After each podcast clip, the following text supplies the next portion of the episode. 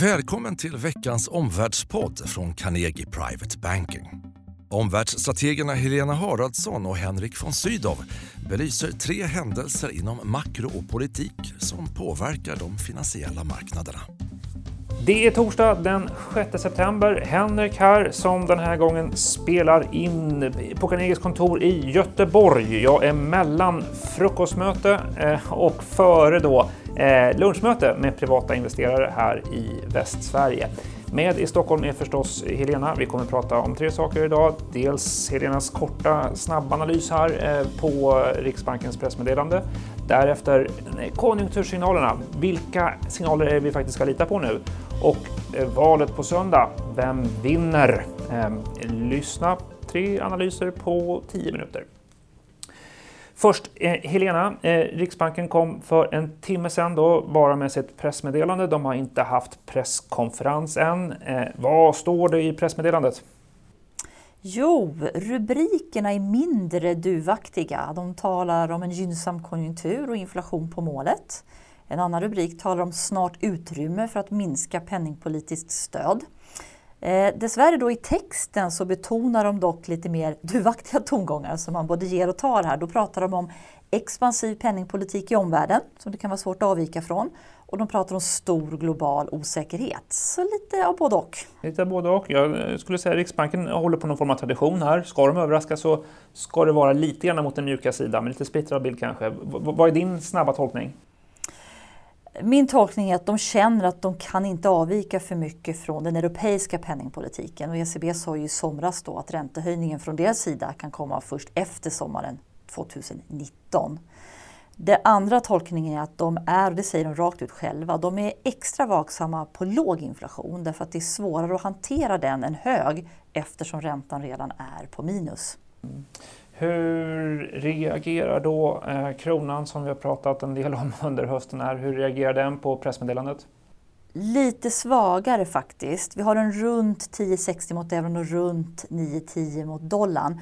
Det var ju faktiskt så att de sköt ändå den första räntehöjningen in till nästa år, december eller februari. Om du skulle ha en eh, kort slutsats efter pressmeddelandet, vad är det? Eh, räntehöjningen kommer kanske inte i år utan först i februari nästa år. Mm. Om vi går från Riksbanken då och kollar på eh, konjunktursignalerna som vi har fått. Vi fick eh, det svenska PMI-index för industrin i veckan. Den föll markant får man säga. Förra veckan så talade vi om en, en stark konjunkturbarometern. Vilken av de här barometrarna och signalerna ska man som investerare lita på? Ja, det stämmer Henrik. Det här PMI då, det följer från en ganska hög nivå på 57 till 52,5.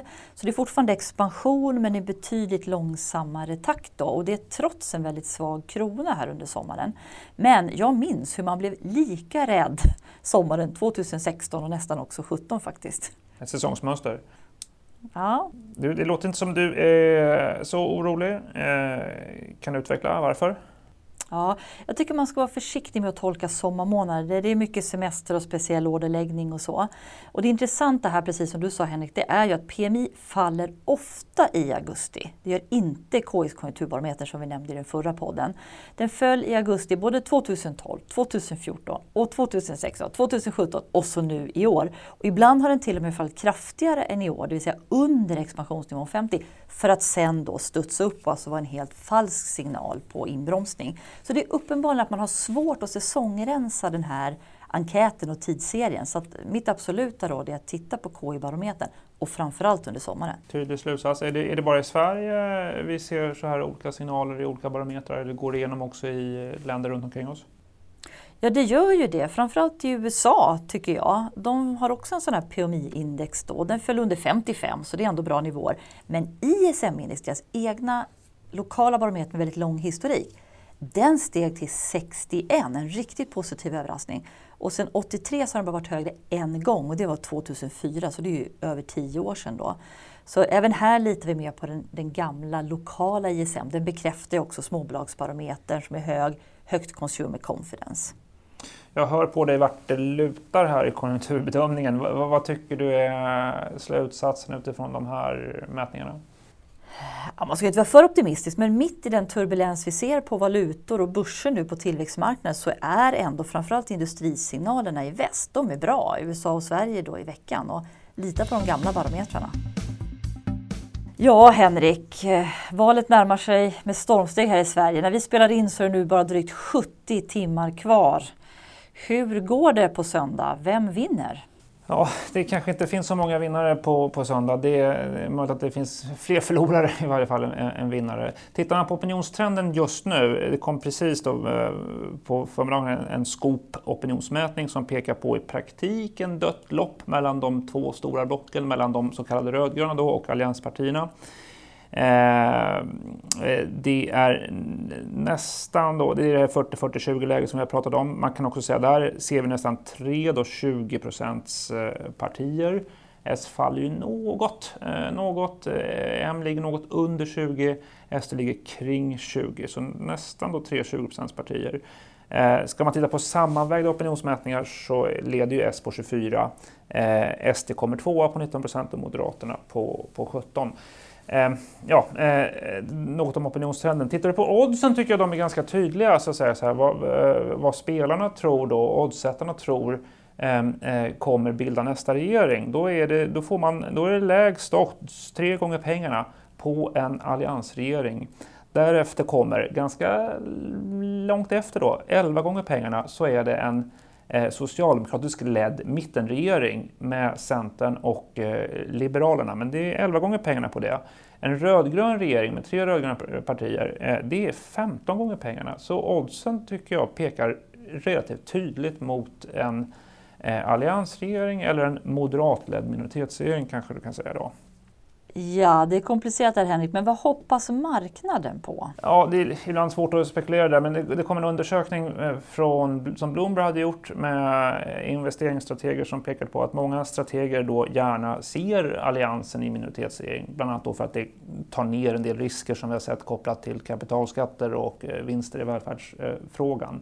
Så att det skulle ju möjligen vara så att säga, positivt, möjligen då för kronan kanske, Eh, och, och, något på investeringsklimatet. Eh, eh, något sådant besked tror jag inte vi får på söndag kväll. Eh, möjligen skulle det kunna vara så att det blir tydligt om alliansen är större än de rödgröna och kanske också om MP då eh, trillar ut. Eh, det, eh, det, de ligger lite farligt nära 4 spärren. Vi vet att Miljöpartiet ofta presterar bättre i opinionsmätningar än vad de gör på själva valdagen. Om jag var MP-strateg skulle jag vara lite orolig. Eh, men som sagt, historiskt sett så brukar partiet inte ramla ut i riksdagen. Man klarar sig över bara 4 eh, spärren på, på, på valdagen.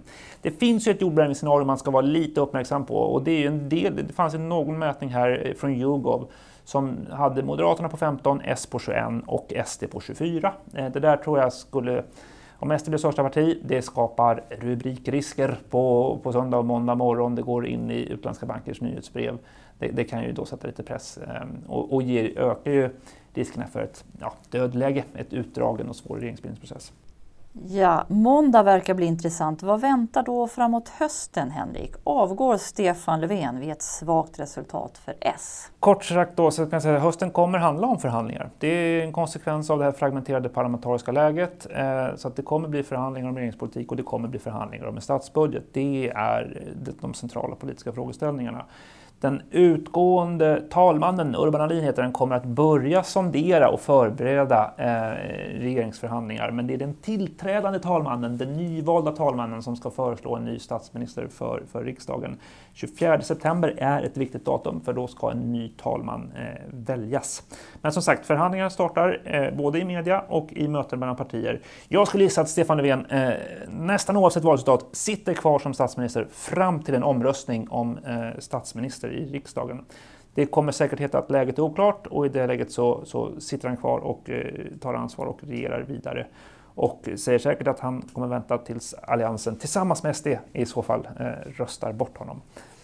Mm, och din korta slutsats Henrik? Ja, ingen klar vinnare på söndag. Räkna med en, period av med en fortsatt period av förhandlingar och fortsatt osäkerhet om det politiska läget i Sverige. Nästa viktiga datum efter valet, det är talmansvalet den 24 september.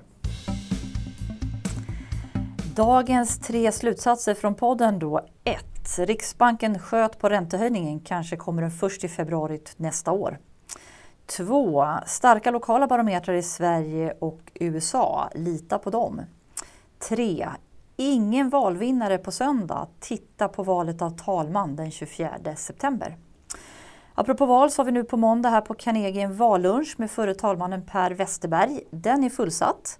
Men om intresse finns att få information om våra seminarier så gå in på carnegie.se snedstreck private banking. Där kan ni prenumerera på veckans viktigaste. Tack och hej! Tack så mycket!